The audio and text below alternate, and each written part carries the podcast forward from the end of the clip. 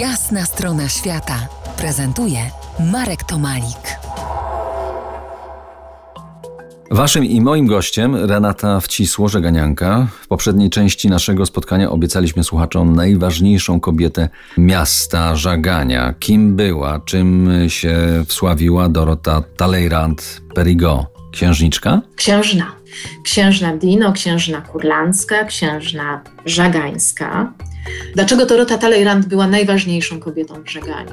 Ano dlatego, że w połowie XIX wieku Żagań naprawdę bardzo rozkwitł.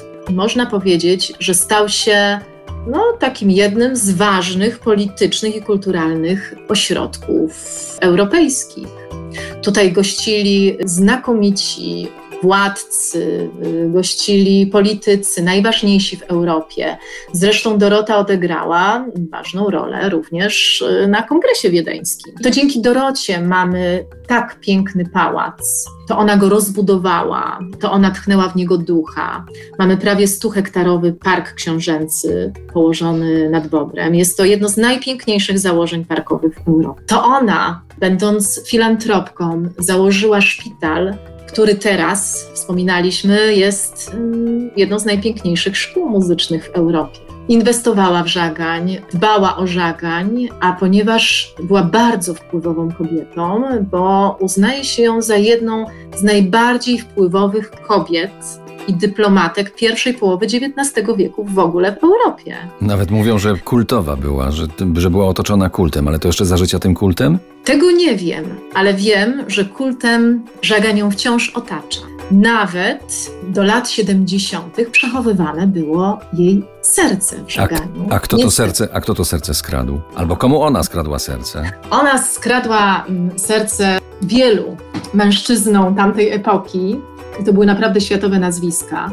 Natomiast mm, nikt nie wie, co się stało z sercem. Pani Maria Piątek, pasjonatka mm, historii żegania, która właściwie część życia poświęciła dla Doroty.